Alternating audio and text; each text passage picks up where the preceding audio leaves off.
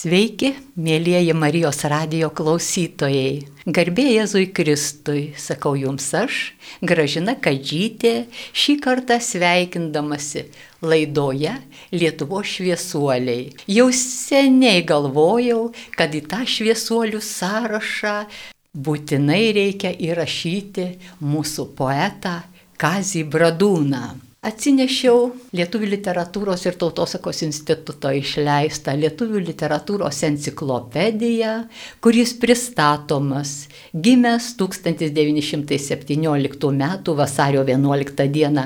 Kiršuose, Vilkaviškio valščiuje ir parapijoje, poetas, baigęs Vilkaviškio gimnaziją, Vytauto didžiojo universitete studijavęs ir Vilniaus universitete taip pat dar studijavo karo metais lituanistiką, studijų metais priklausė jau gimnazijos metais priklausė ateitininkų sąjungai ir šitą sąjungą išlaikė netgi ir per studijas ir vėliau, kai būna sendraugiai ateitininkai ir savo vaikus ten įvedė. Kaip poetas jis tikrai dirbo labai nemažai ir redagavo ateities spindulius, ateitį, ten įspausdinti jo pirmieji eilėraščiai, bet vėliau jau, kadangi buvo kaip žinote, 17 metų, pakankamai jaunas poetas, vėliau jo poetinis talentas įsiskleidė ir jis yra priskiriamas būtent Lietuvos poetų žemininkų lankininkų kartai. Tai yra savoka žemė, kuri tampa pagrindiniu poeto pasaulio matmeniu ir literatūros lankai, kuriuos jis taip pat redagavo. Enciklopedijoje straipsnį apie jį parašė humanitarinių mokslų daktarė profesorė Dalia Satkauskytė ir jinai yra taip įvertinusi. Poezija Kazijui Bradūnui yra ne tik autonomiškas pasaulis, Tai emocinės tikrovės išgyvenimas ir to išgyvenimo išsakymas naudojantis tradicijos teikiamomis priemonėmis, pakartojimais, paralelizmais, palyginimų poetika, klausimų atsakymo formulėmis, tautosako stilizacijomis, atvira krikščioniška simbolika. Jo eilėraščiai implikuoti į sakytinės literatūros modelį, implikuojantį kolektyvinį jo skaitimą kaip apeiga. Mėlyjeji Marijos radio klausytojai, Jeigu nueisite į biblioteką, tai tikrai, nors biblioteka gal tuo kartu po ranką neturėtų, bet visada galite užsisakyti iš centrinių bibliotekų. Tikrai gražus Kazio Bradūno poezijos skraitis nuo 1943 metų iki 20 amžiaus 2007 man atrodo metų, nors turiu po ranką Kazio Bradūno archyvų knygą, bet jos šiuo metu nevartysiu. Netgi internete įsivedę Kazis Bradūnas, rasite jo poezijos, paskaitysite, o mums čia, Marijos radijoje esantiems, turbūt galėčiau priminti, jog dažnai girdime tą maldą Kazio Bradūno eilės. Viešpatė leisk man birėti grūdų į tavo klėtį, kad tik pasemtum, kad tik užpiltum saują pirmąją ant girnų akmens. Noriu pavirsti duoną, raugų gnyje. Tai yra jau mūsų visų pripažinta giesmė. Aš tikiuosi, kad šitą laidą, ar ją pradedant, kai bus transliuojama, ar baigiant, galbūt palydės ir šita giesmė. O mes laidoje kalbėsimės apie žmogų, apie asmenybę, apie ne tik tai poetą, bet giliai jaučiantį Lietuvą žmogų, Lietuvos žemės sūnų, Lietuvos ir Amerikos žemynus sujungiančią asmenybę, žmogų, kuris, na, įsiskyrė net ir Amerikoje, lietuvių išeivijoje, kad labai rimtai išlaikė tos tiltus į Lietuvą per savo vaikus ir netgi per anukus. Galiu pasakyti, kad jo anūkė Vaiva Aglinskaitė dabar E, New Yorko universitete bebaigianti doktorantūrą, jau yra priimta į mūsų lietuvių literatūros ir tautosakos institutą ir jinai labai gražiai darbuojasi Lietuvai, jo senelio žemė tapo ir jo žemė. O šiandieną aš noriu jūs supažindinti ir pokalbį pakviesti poeto dukrą, žinomą Amerikos antropologę Eleną Bradūnaitę Aglinskienę, kuri tikrai ir yra viena tų pagrindinių tilto atramų. Nes Elena, mėla, jūs buvote perėmusi viską iš tėvelio, iš mamos kartos ir perdavusi ir savo vaikams. Taigi tas tiltas ir dabar jūsų gyvenimas, kaip žinau, taip ir yra. Tarp Amerikos ir Lietuvos. Pusę metų čia, pusę metų ten, o kartais Lietuvai ir daugiau. Taigi sveikinamės su Elena Bradūnaitė Aglinskienė. Mėla Elena. Apie jūsų tėvelį kalbėti galima ištisas dienas, jūs taip jį mylėjote ir taip viską iš jo pasisėmėt. Mūsų laida nėra tokia plati, mes turime 40 minučių, žinom, kad kalbant tas laikas prabėga. Gal tiesiog ir kalbėkime apie žmogų asmenybę tokiomis pakopomis. Juk netgi Sentexupery visoje savo tokioje gražioje pasakoje mažasis princas rašo iš kur aš iš savo vaikystės. Enciklopedijoje mes matome, ta vaikystė yra pačioje pietinėje Lietuvoje, kiršuose, tokioje slepiningoje žemėje visai netoli ir Basanavičius saugo ir kalbėjo apie tos piliakalnius, apie tą senąjį mitinį Lietuvos palikimą. Ir čia, kaip ir Kazio Bradūno vienos knygos užvardyjime, vyko ir Krikšto vanduo, Joninių naktį, būtent susisėjo senoji mitologija ir atvedusi mūsų kartas į krikščionybę ir įsišaknyje.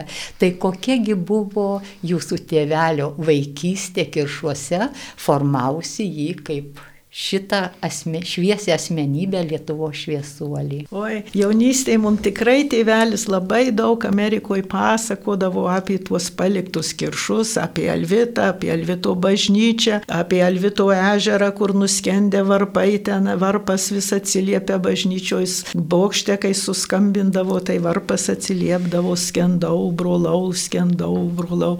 Labai daug tokių tikrai gyvų pasakojimų. Ir mums tas vaikam labai paliko didelį įspūdį. Mums nu, paįvairino tą Amerikos aplinką, kuri buvo gan nuobodi teisybę pasakius, ten apie legendas ar nugrimzdusius varpus ar piliakalnių tenai požemius, niekas daug nekalba, o tėvelių pasakojimai labai mums ryškiai tą perdavė. Ir tėvelis labai gražiai vis pasakodavo, kad jo vaikystėje tai tarp to Alvito, Kiršų, ten ir Salomėjos Nerijas tėviškai visai per upelį gali sakyti. Ir apskritai daugelis literatų. Ten. Iš, iš suvalkyjos ta žemė derlinga buvo ne vien tik tai, kaip sakant, e, derlium, bet ir, ir kūrybo įkvėpė žmonėm. Tai va, tai tėvelis pasakodavo, kad jis tarptų Alvito ir pajavo, pajavonių užaugo, nes Bradūno giminė, jau tas visas mūsų šeimos šerdis, tai buvo pajavoniai Bradūnų, o kiršuos buvo krakaičiai, prieš mamelė mūsų krakaitytė, o prieš ją priešpylė ten gyveno ir tie priešpėliai atrodo vieni iš pirmutinių, nes kapinėse pačioj seniausioje vietoje jau tie kapai prieš pilių. Tai mums taip gyvai pasakodavo, kad aš viską beveik įsivaizduodavau. Da užtraukdavo dainą tą, kad va, dūda vai dūda ir vėl dūda vai tai dūda dūdytėlė. Žodžiu, daina, kur apie Alvitą, kad važiuosim į Alvitą, pirksim jaunui dūdą. Nu tai mums, man tas Alvitas atrodė didelis, jau turėtų būti, jeigu ten važiuoja iš visos Lietuvos. O pasirodo, kai nuvažiavau pirmą kartą į Šventos Sūnus atlaidus, jau nepriklausomoje Lietuvoje. Nu, nedidelis tas kaimelis, gali sakyti, bet bažnyčia įspūdinga buvo, bet sugriovė. Per pirmą pasaulinį karą, per antrą. Ir tėvelis aiškindavo, kaip jam vaikystėje daug paliko įspūdžių, gilius įspūdžius. Tai laidotuvės, tai vestuvės, tai vėl šeimos susibūrimai, kur daug pasakoja, kur daug gėda, melžiasi da iš kantičkų. Aš da iš kantičkų irgi išmokau šventą Jurgį ir Marijos Magdalenos, Magdalenos giesmės. Taip kad mums labai daug jam buvo perduota ir jis turbūt jausdamas, kad ten jo jau, gali sakyti, pagrindas visai poezijai, kūrybai, mums labai daug pasakojo. Ir turim vieną, sakau, tėvelis vis aiškino, kad daug jam perdavė auklė. Aukla buvo močiutė, moteriškė, liko per pirmą pasaulinį karą našlė ir tada tėveliai, seneliai ją paėmė, kad vaikus padėtų auklėti. Nu, užimt, nes ten ūkį vis tiek darbo daug. Tai ta Ona Šulinskienė buvo jos vardas ir ji tėvelius ir brolį jo, ir sesutė tėvelį, Juozuką ir Onutę vežiodavosi, vesdavo ir visur viską aiškino, kur ką. Ir tokiu būdu, kad tikrai ta visa aplinka pasidarydavo stebuklingai šventa. Ir aš vieną eilėraštį pacituosiu, kur tėvelis net ir užvadinės susitikimas kiršuos pagal auklės Onos Šulinskienės tikėjimus. Susitiko Dievas ir Dievulis, kryškelė vidury kiršų, prie jų kojų akmenėlis guli, duonos ir vandens padėti nešu valgykite ir gerkite. Tai viskas, tai mes patys, duona ir vanduo. Ir atėjo ūbaudamas miškas ir atsiklaupė pažadintas akmuo. Nu va, ir miškas gyvas vaikšto, ir akmenėlis atsiklaupia. Ta tokia šventa gyvybė, beveik pagoniška dar, bet ir krikščioniška. Ir kad tas Dievas ir Dievulis, tai tėvelis sakydavo, jo, ona ta Šulinskinė aiškino, kad Dievas tai ten tas jau, kur nuteis dangui, o čia tarp mūsų tai yra Dievulis. Jis vaikščioja per pasakas, ateina kaip senelis į namus, kaip ubagėlis, kad jis bažnytėlė ten ant altoriaus irgi Dievuliukas. Nu, Dievulis dievulis tarp mūsų.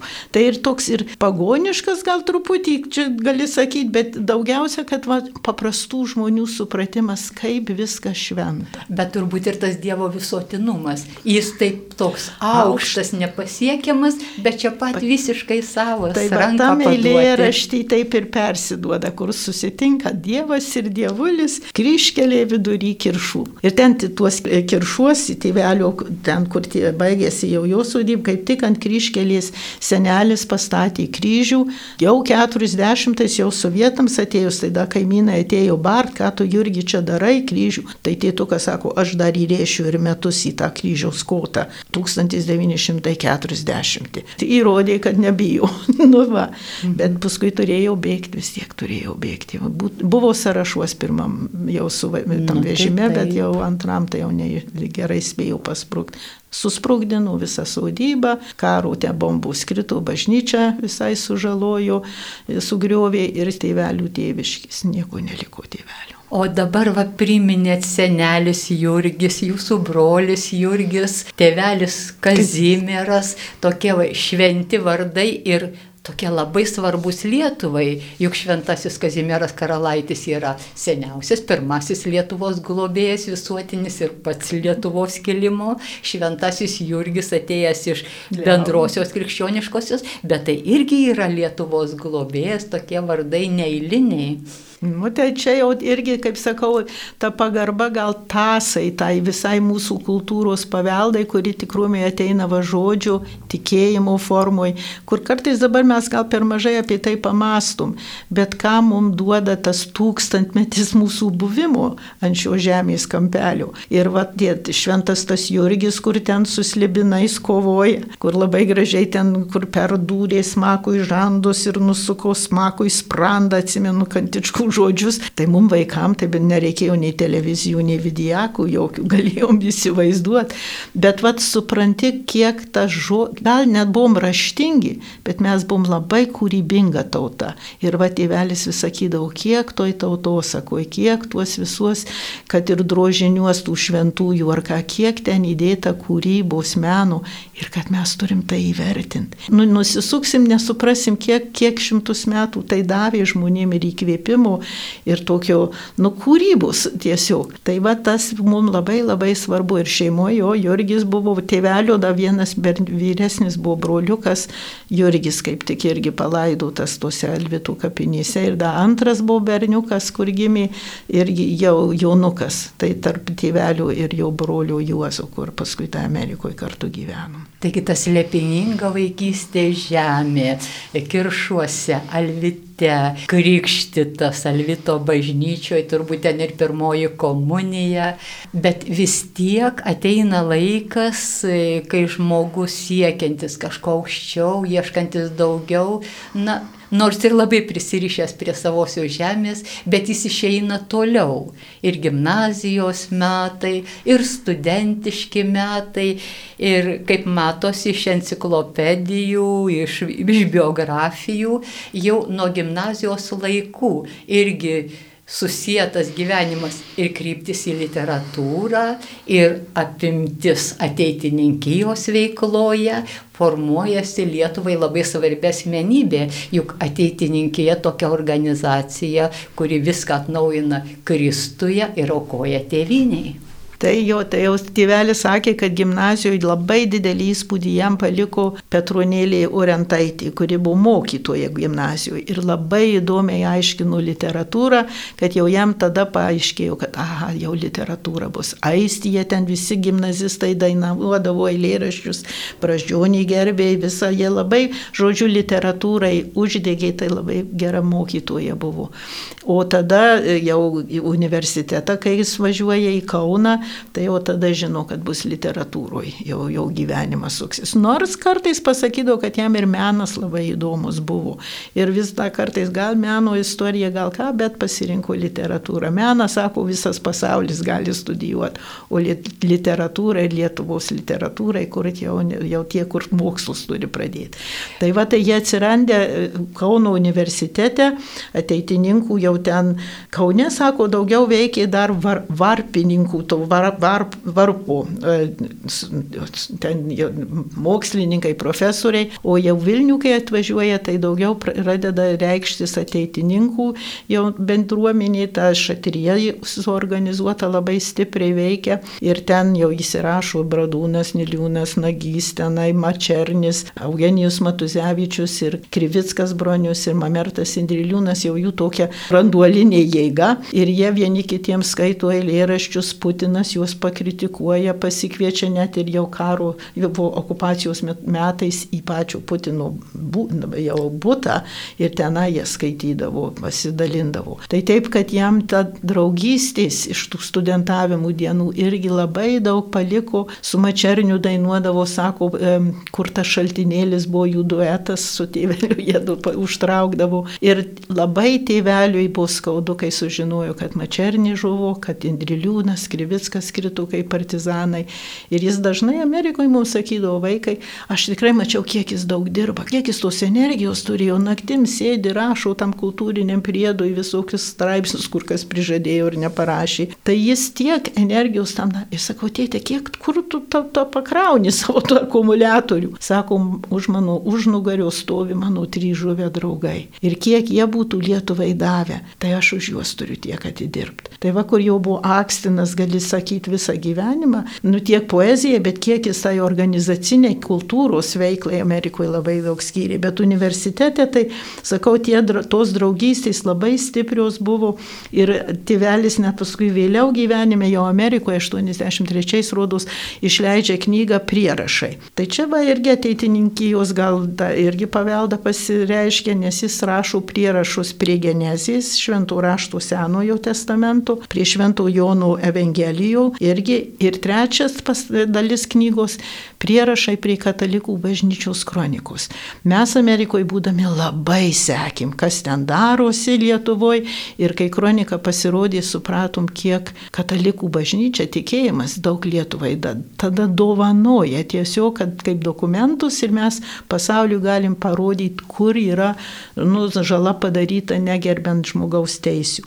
Tai vieną eilėraštį tėvelis, vasakau, prisimindama prisimdamas tą studentavimą ir mačernį draugą, parašė vieną eilėraštį, va pacituosiu, kur jis eilėraščio pradžioj cituoja katalikų bažnyčios kroniką. Čia rašo. Tikrintojai, tikrintojai nesunkiai surado visus pasirašusius tėvus, nes jie žinojo visų mišioms patarnaujančių ir bažnyčioje gėdančių vaikų pavardės. Čia kronika numeris 57. O eilėraštį tėvelis tada toliau rašo. Kadaise Vytautas Mačernis sakė, citat. Įsiklausyk, kaip skamba laiko pakrašty pirminiai muzikos garsai, lyg lengvo vėjo iš anapus atnešti dainuojančių vaikų balsai. Citata baigta. Eilėraštis toliau. Dabar žvėris mauroja prie pat medinės bažnytėlės durų, bet jos viduj, lyg amžių pačioj širdį, vaikų gėdojimas. Ir man atrodo, jog tarp jų girdžiu jauno mačernio balsą. Nu va, Mačernis išnyra eilėraštį, kur tėvelis va, prisimena, nori pagerbtą gavą kroniką. Kaip supratau, Mačernis būtent jų tame pulkelėje buvo kaip toks, toks aukščiausias šviesulys, nes pranė aukštikalnytė irgi yra įvardyjusi, kad mes, tragiškoji Mačernio karta, taip tie, kurie liko čia Lietuvoje save įvardijo, bet man atrodo, kad Amerikoje žemininkai, lankininkai, irgi įvardijo save mačerinio karta ir ten tragikos irgi buvo. Aišku, kad visiems sunku nuo tėv, tėviškę praradę. Jie iš pradžių visi manė, kad greit grįž. Aišku, tas nepasidarė ir tada atsiranda Amerikoje ir netikami išsiblaško po visą platų pasaulį. Kiekštas, kur žemės irgi vienas poetas prisidėjęs Argentinoje, Nagys Kanadoje, Bradūnas ir, ir Niliūnas Baltimorėje. Jie te visi laiškais, na tada nei internetų, nei nieko nebuvo nebuvo. Ir tokiu būdu išleist lankus, va, viskas medžiagą surenka, siunčia į Argentiną, Argentinų, iš, kad tas keikštas juos spausdina, vėl siunčia atgal į Ameriką, iš Amerikos vėl bunduliukus tokius suriždavo tėvelį ir siūsdavo į Klyvlendą, į Detroitą, į Bostoną, kad ten kaip nors vėl platintų. Tai sakau, ta visa organizacinė, administracinė tokia jėga, kur žmonėm nieks nieko nemokėjo už tos darbus ir tas valandas, bet išeivijoje tikrai va žmonės pasiryžę buvo, kiek galima išlaikyti. Taip, ir tai labai svarbus gyvenimo etapas, bet kadangi mes jau čia kalbame iš Vilniaus studijos ir žinome, kad šitai kartai Vilnius irgi buvo labai šventas miestas ir su tais pačiais aušros vartais, kuriuos mes čia matome pro studijos langą, e, kaip žinau, Tai jūs, Elenute, esate minėję, kad jūsų tėveliai, nežinau, ar per ateitininkus susipažino, ar kaip, bet sužadėtuvės tai buvo čia, užros vartose. Taip, taip, ir kunigas Lipniūnas, kuris paskui tragiškai jau žuvo ten po Štuthovo įkalinimu, tai tėveliai jo Vilniuje atsiradė, jie čia ir susipažino, kiek aš suprantu, kai pasakoju, kad ar ne tik ir Putino pamokoje, paskaitoje, tėvelis mamytė atsiuntė laiškutį, kad gal eikim į kiną ar pasimatymą, žodžiu, pasipa. Ir tokiu būdu užsimesgiai, bet jie šatriečiai buvo, tai jau jie šatrijoje, visi čia kartu Vilniuje daug kur sueidavo ir bendri, bendri interesai, bendras va tas ka, iš, ka, iš to pačio kampo Lietuvos, mamytė iš keturvalakių. Tai jie da, grįždavo vasarą į kaimus, jau susipažinę čia ir tada laiškais viens kitui, kad tam rašydavo, kur jie susitiks, ar Vilkaviški ten prie bažnytėlės, ar atvažiuos tėvelis su dviračiu pas mamytę į keturvalakius, ar kaip žodžiu, dviračiais per vasarą susitikinėdavo. Ir tokiu būdu va, jis įsiplėskė jiem tą meilį, kur tikrai gražiai visą gyvenimą. Aš neįsivaizduoju, ar tėvelis būtų tiek gražiai, tiek prirašęs, jeigu mamytė nebūtų jo klausytoje. Jis jai pirmiausia paskaitydavo tuos eilėraščius ir ji niekad nepeikdavo, tik pasakydavo šiaip savo, tai jau jis žinojo, kad tą gal į rinkinį nedės. O taip tai jie labai bendrai daug skaitė, viens kitam aiškino, kas ką, kur ten ar eilėraščius, ar romanus, mamytė gal daugiau romanus, tėvelis gal poezijos daugiau, bet visą laiką dalyjosi. Prie ryt, iš ryto atsimenu kavą jau geria ir jau tėvelis jai skaito susapnuotą eilėraštį. Ir jau jie rimtai klauso. Tai va tas bendras ir tikėjimas, ir ateitininkijos visas ta patirtis, man atrodo, kad kuo daugiau turi porelį kažko bendro, tuo lengviau ir išsilaikyti ir pergyventi va tokius išvažiavimus per karą, bastytis, nežinai nei kur, nei kaip, ir, ir paskui naujam krašte vėl kurtis. Bet sakau, jie įsivežė savo tą visą lietuvišką kraitį, kultūrinę, tautosakinę prasme, kartu su jais jų tuos tuščiuos lagaminuos, bet ten buvo ta dvasia sukrauta. Ir jie mum ją perdavė. Jie mum Amerikoje galėjo tiek pasako, tiek skaityti, tiek mum ir šeštadieninės mokyklos ir stovyklos dar paryškindavo tai, kad mes pasijutom daug turtingesni už tuos mūsų kaimynus amerikonus, kur tikrai futbolas, nu, futbolas, alaus bačkutė ir užtenka. O mums vis dėlto daugiau buvo. Kuo rūpintis, kuo sielotis, kuo tikėtis, kuo viltis, tokia, nu, prasmės davė gyvenime. Taip, jūs kaip paminėjote, taip tas karo metas ir po karo ir priversti iškeliauti į savo tėviškės iš pradžių dar laikosi netoli, tikėdamėsi sugrįžti, paskui supranta, kad reikės keliauti toliau ir sakote taip, tie tušti lagaminai, bet vis dėlto rankos tai netuščios, juk jūs pirmagimė šeimos dukra gimėte pakeliui. Vokietijoje jau, jau 48 metų, tada Amerika pasirašė tą prieimimą, kad jau tuos mūsų pabėgėlius iš stovyklų priims. Tai aš buvau 9 mėnesių į Ameriką, kai nuplukdė ugdė mane ir po to brolis gimė maždaug metu kaip po to, taip kad mes beveik kaip dvyniai augom su Jurgiu, o sesutė jau atsirado daug vėliau, dešimt metų už mane jaunesnė Amerikoje. Bet šeimoje tikrai va, tas labai jautėsi ir dar va, mūsų šeima išskirtinė buvo, kad seneliai kartu keliavo. Ne visiems pasisekė įsiveš senelius. Labai taip kaip ir dabar Ukrainoje, užsispyrę nevažiuos senukai ir viskas. O tėveliai sakė, kad jau ne, nėra jums jokios galimybės sąrašuos vaikas. Tai mamelė dar tikrai labai nenorėjo, bet jau ją beveik surištant to vežimu turi pasodinti. Važiuojam su tais keturiais arkliukais ir dviem vežimais ir nieko ne kito nebus. O nutyda iššoko ar pakelt šuniuką atriš nuo, nuo virvės, kad laisvai galėtų lakstyti. Ir va tokiais visais paprastais pasakojimais mums labai daug buvo perduota. O kai augom, tai pas senelius turėdavom nueiti ir jų paprašyti, kad mums paaiškintų, ką jie Lietuvoje darydavo. Dabar pavasaris, tai sėja, tai kaip tas vyko, kokie buvo ritualai, ką, ką ten kokie tradicijos. Paskui vėl kaip ten durpės, kokias pjaustyti, tas tokias bloko, mažiukus blokus, kaip sakydavo. Tai viską paaiškins, kad seneliai turėtų ką pasakot. Mums sėdėdami cementiniai Baltimoriai, kur nei kiemukų, nei darželių, bet mums pasakodami galėdavo atsiminti va tą paliktą ūkį ir ūkio darbą. Ir jums kūrė tą Lietuvos viziją, Labai. to krašto nepasiekiamo. Ir beje, jūsų tėvelis, kad ir Junktinėse Amerikos valstijose, bet, kaip žinau, labai nemažai yra nuveikęs būtent lietuviškojo ir katalikiško aiškumo ir tyrimų ir čia turbūt ir kaip menotyrininko jo iš dalies tokios aspiracijos pasireiškė, juk tarkime, tai galima sakyti, kad jo tokia idėja lietuviškas tas parapijas, dar senosios, pirmosios išeivių bangos, kur lietuviškos parapijos, kad reikia suregistruoti tas parapijas, užrašyti žmonių pasakojimus, išfotografuoti lietuvių lėšomis surinktomis ir dažnai net jų jų rankomis statytas bažnyčias ir tiesiog iš to gimė labai gražios ekspedicijos, į kurias turbūt tėvelis ir paskatino Taip, savo dukrą keliauti. Ne, jis neskatino, bet mane daktarė Gimbutienį paskatino būtinai prisidėti prie tos ekskursijos, kuri buvo 72 metais, tai jau prieš 50 kiek metų. Ir tuo metu tėvelis parašęs draugę, kur buvo tas kasdieninis laikraštis, bet kultūrinis priedas eidavo šeštadieniais. Ir jis visada būdavo būdavo kertiniai paraštė, kur redaktorius savo tokių užuomenų. Tai jis vienoje buvo par, pas, pa, kas parašęs, kad būtina už, kaip nors uždokumentuoti visą tą pirmos kartos bangos statytą Lietuvą Amerikoje.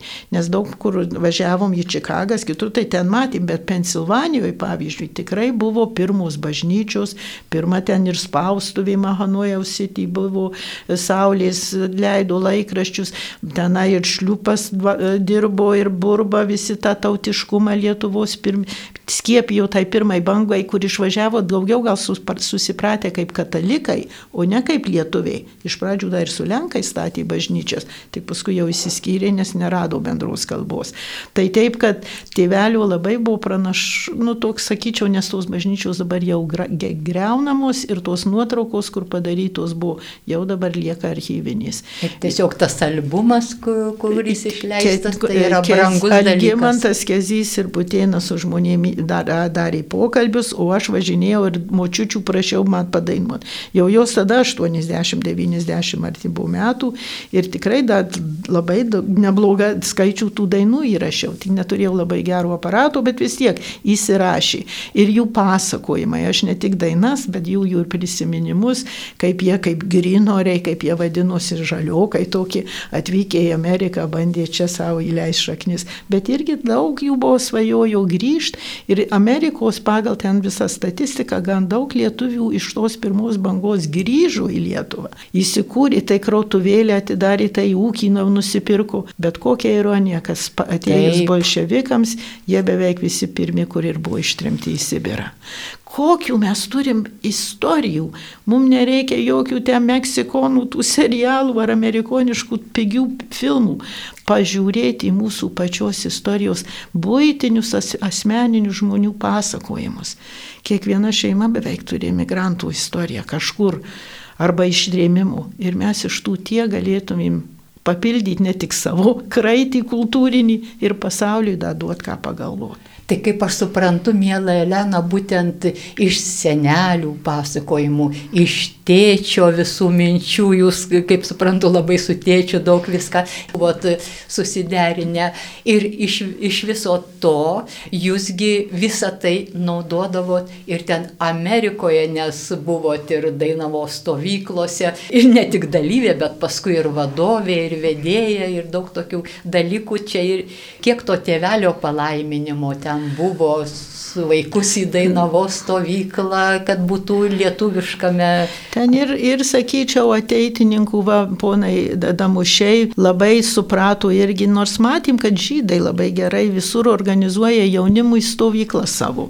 Ir, ir kitos kai kurios etninės grupės, bet labiausiai gal jie tada. Ir tai buvo aišku, kad jaunimui susitikti iš Čikagos, Detroito, Klyvlendo, ten būtų gerai turėti vietą, kur vasarom iš miestų išvažiuotų vaikai. Bet ne tik tiek, kad ten per tas stovyklas ir draugystė susimesgė, o iš tų draugysčių ir šeimos atsirado vėliau. Taip kaip čia buvo labai sumaniai sugalvota va tų tėvų karta, kad dar jaunimui persiduotų. Ir tą tautiškumą, jeigu ten tik tai kaip šeštadieninė, jeigu egzaminus laikyti ir diktantus rašyti, gal nebūtų nelabai smagu. Bet kai pasidaro stovykloj, kur laužai, kur eini pro mišką, ten pažygiai visokie, nu, dainas dainuojam, partizanų vakarą organizuojam, laiškus rašo partizaną savo motinai arba savo draugiai.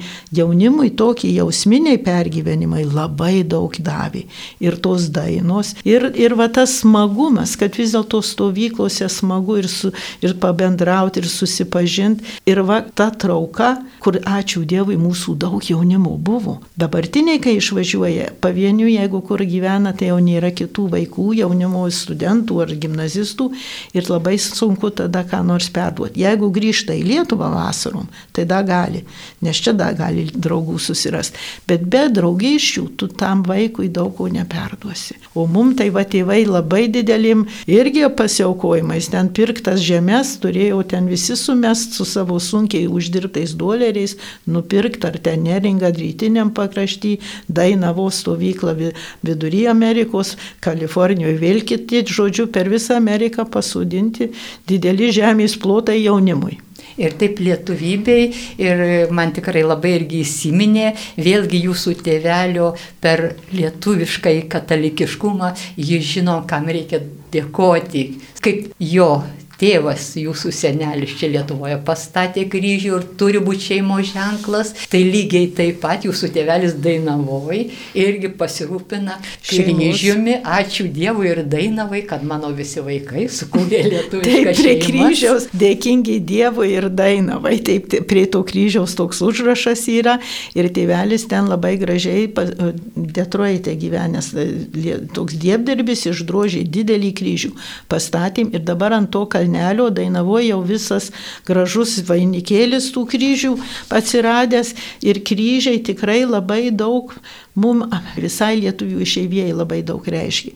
Čia aišku krikščioniškumo simbolis, bet jis irgi daug nuriša mus per amžių amžius. Ne, nebereikalo visi kryžiai iš ažuolų daryti paprastai. Kodėl tuos ažuolus skirtų mums pagonys, kaip da pagonys buvo muotėję, tie iškirtų, nu tuos ažuolus panaudojam ir panaudojam per amžių amžius jau pa, pagerbti ir Dievą ir savotiškai kaip simbolį mus rišančius. Stovyklose statė Vokietijoje, Amerikoje atsiradė, kur tik galėjo vis kryžių statė. Tėvelis net irgi eilėraštį parašęs pasaulio platybėse. Įkalti į Sibiro gruodą, įbridę į stepių smėlį, užkopę į Alpių pašlaitės ir Škotijos kalvas, prie Amerikos didžiųjų ežerų, Pasifiko pakrantėse, žemės gale Australijoje ir Čiurlionio žemaičių kapinaitėse stovi lietuviški kryžiai ir pasaulio platybėse lengvai susišaukia. O mes klausom ir girdime kryžių slaptažodžius. Neusim, neširdim, tik visom kūno, kraujo ir dvasios lastelėm, kurias vadinam nuo amžių mūsų tauta.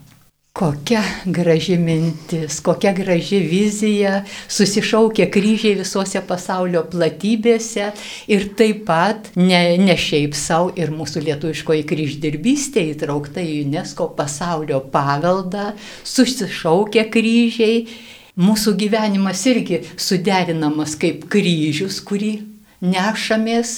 Ir štai aš pasižiūrėjau, kad e, tikrai tarp daugelio išeivijos va tos kartos, būtent po antrojo pasaulinio karo, tikrai daug nusipelniusių Lietuvai kūrėjų, bet jau įleido šaknis į Amerikos žemę ir jie ten pasiliko ir vaikai, o bradūnai ir patys dar sugrįžo į Lietuvą, šaukiami ir neždami tą savo gyvenimo kryžių ir parvedė vaikus ir vaikaičius. Tai irgi labai didelis e, jų pačių nu, šau, tėviškė šauksmas gimtosios žemės. Tėvelis vis sakė, nevažiuos, jeigu per Maskvą reiks prašyti, o kai tik gavo leidimą jau per Latviją, per Rygą atskridom ir ne į Vilnių važiavom pirmą, bet be pirmą į Alvitą. Tai kol čia Vilniuje atsiradom, jau buvo vidurnaktis. Bet tėveliam tas grįžimas buvo labai svarbus. Ir, ir jis sakydavo, vaikai, mes Čikagoje, jūs ten įsibastę Havajuose, Bostone, Baltimorėje, tai ar jūs į Čikagą skrendat, ar skriskite į Lietuvą. Nu, Viski brangiau, bet kas, pinigėliai ne viskas. Ir tada tada va tokiu būdu grįžom ir mums labai daug reiškia. Tai. Ir parvedė ir jūs, ir į Vilnių, į tą amžinąją sostinę, ir toliau giminės kraujas čia plaka, na kągi mes turime užbaiginėti tą mūsų laidą. Ir aš pasiemiau į rankas jūsų Elenutę atneštą knygą, kurios jūsų tėvelis jau ne, nepaėmė į rankas, nes jis e, atgulė čia į Vilniaus kalnelius 2009 metais Antakalnio kapinėse. Bet kai 2017 metais minėjome Kazio Bradūno šimtmetį, buvo paskelbti jo metai, štai kunigas e, brolis Pranciškonas Julius Asnauskas sudarė jo religinių poezijos tekstų rinkinį ir labai gražiai pavadinta liepė man būti čia Lietuvoje. Mėla Elena, paskutinės minutės, dabar pasakykite, nu aš tikiu, kad jūs taip ir pasakysite, kad būtent tėvai jums liepė čia grįžti, čia būti. O mes buvome paklusnus vaikai. Jo, bet eilėraštis tikrumo tėvelio daug kur, kur Dievas liepė man būti. Ir va tas Dievo įsakymas, kad galit grįžti į tą Lietuvą. Bendrai, kad Lietuva išnešiota per visą gyvenimą, mum perduota ir tikrai mus praturtino. Ir aš to taip noriu palinkėti dabartiniai kartai augančiai Lietuvoje, kad suprastų, kokį paveldą jie gauna iš tos mūsų praeities, iš dainų, iš pasakų, iš įsižemintų į šitą žemę. Nes tikrai va tėvelis tai buvo įžemintas gerai vaikystėje, jaunystėje, studentavimo ir tas įsižeminimas buvo ir ta trauka, kur jam jį paskatino grįžti. Taigi, mėlyjeji, aš norėčiau ir jums pasakyti, ačiū, kad klausėtės šitos laidos, kurioje su manimi gražina Kadžytė apie Lietuvo šviesuolį, poetą, visuomenininką, kūrėją ir puikų pedagogą, tokią puikią šeimą išauginusi Kazį Bradūną. Kalbėjome su jo dukra Elena Bradūnaitė Aglinskienė. Mėlyjeji, Žinau, kad daugeliu jūsų Bradūno poezija yra labai artima prie širdies.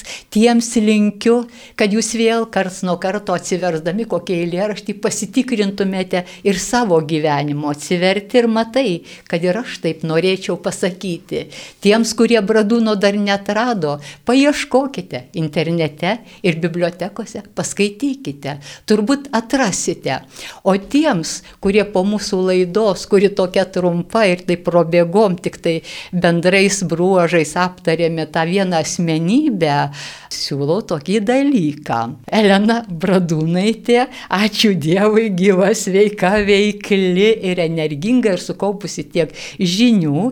Lietuvoje prabūna tikrai nemažai, dar ir, ir per žiemą pažiemavoja arba per vasarą. Tai jau tiesiog paieškokite ir kai užgirsite, kad Elena Bradūnaitė vėl Lietuvoje, tai kvieskite ją į bendruomenių susitikimus, į literatų pasimatymus, pakalbėti apie tai, kokia graži buvo ta žemininkų, lankininkų, Lietuvos, beveik su Lietuvos nepriklausomybė gimusių ir joje išaugusių kuriejų karta, kurios vieną atstovą, Kazį Bradūną, šiandieną mes paminėjome.